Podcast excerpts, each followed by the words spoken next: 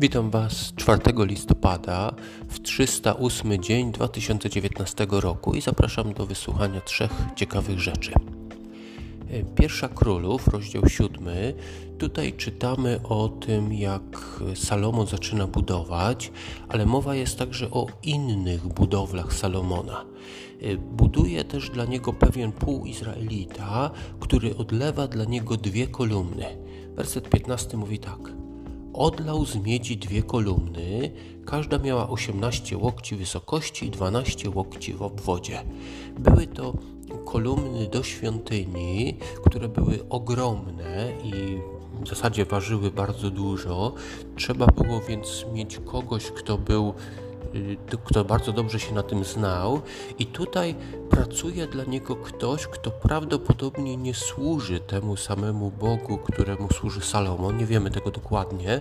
W każdym razie jest to człowiek, który urodził się z małżeństwa Izraelity i Syryjczyka, czyli to jest takie e, pół, dlatego on jest półizraelitą i ten człowiek e, bardzo dobrze zna się na odlewaniu takich wielkich rzeczy.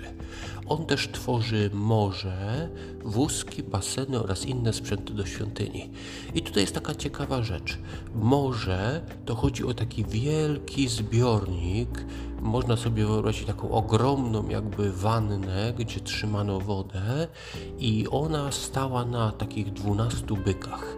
Oto morze pojawia się później kilkakrotnie w Biblii, dlatego to jest może dobrze zapamiętać, że morze to niekoniecznie chodzi o morze w znaczeniu tego, tylko chodzi o wielki zbiornik wodny, także sztuczny zbiornik wodny stosowany w świątyni. Ezechiela, rozdział 9.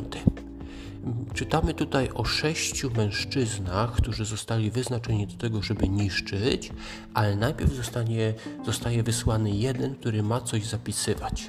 Czytamy w czwartym wersecie. Pan rzekł do niego, do tego, który zapisuje, Pan rzekł do niego: Przejdź przez miasto, przez Jerozolimę i zrób znak na czołach ludzi, którzy wzdychają i jęczą z powodu wszystkich obrzydliwych rzeczy, jakie się, jakie się tam popełnia.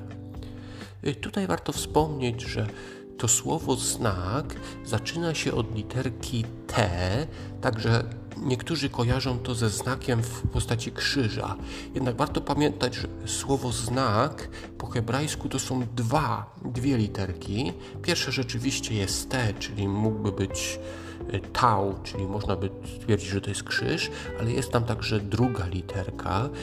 Tym bardziej, że y, mowa tutaj jest o o słowie, które składa się z dwóch literek, który znaczy znak. Tu nie powiedziano, na czym polega ten znak, jak on miał wyglądać. Hebrajczyków, rozdział 7. Czytamy tutaj dalej o tym, że Jezus jest kapłanem na wzór Melchizedeka. Werset 11. Gdyby więc doskonałość, gdy, gdyby więc doskonałość została osiągnięta przez kapłaństwo lewickie, lud bowiem otrzymał prawo oparte na nim, to po co potrzeba by ustanawiać jeszcze kogoś innego na wzór Melchizedeka, a nie na wzór Arona? Hebrajczyków 7 rozdział, werset 11 to był. Czytamy tutaj o tym, że Paweł ponownie cytuje Psalm 110, gdzie jest mowa, że zostanie usta ustanowiony ktoś na wzór y, Melchizedeka. I on się pyta, y, Paweł się pyta, gdyby kapłaństwo lewickie, czyli kapłaństwo na wzór Arona, arcykapłana, który był w świątyni, gdyby to kapłaństwo dawało radę, to po co ustanowiono by nowe kapłaństwo?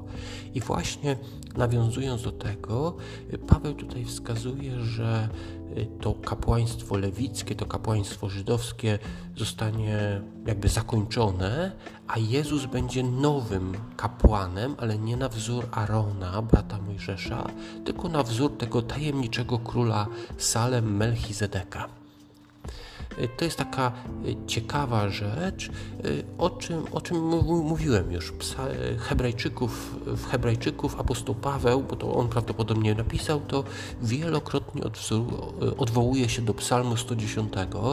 Tak więc, gdy będziecie czytać Hebrajczyków, siódmy rozdział, który był na dzisiaj, warto przy okazji przeczytać także ten psalm 110, tym bardziej, że ten psalm 110 jest bardzo krótki, a jest bardzo, bardzo ważny. Dziękuję Wam za wszystko dzisiaj i do usłyszenia jutro.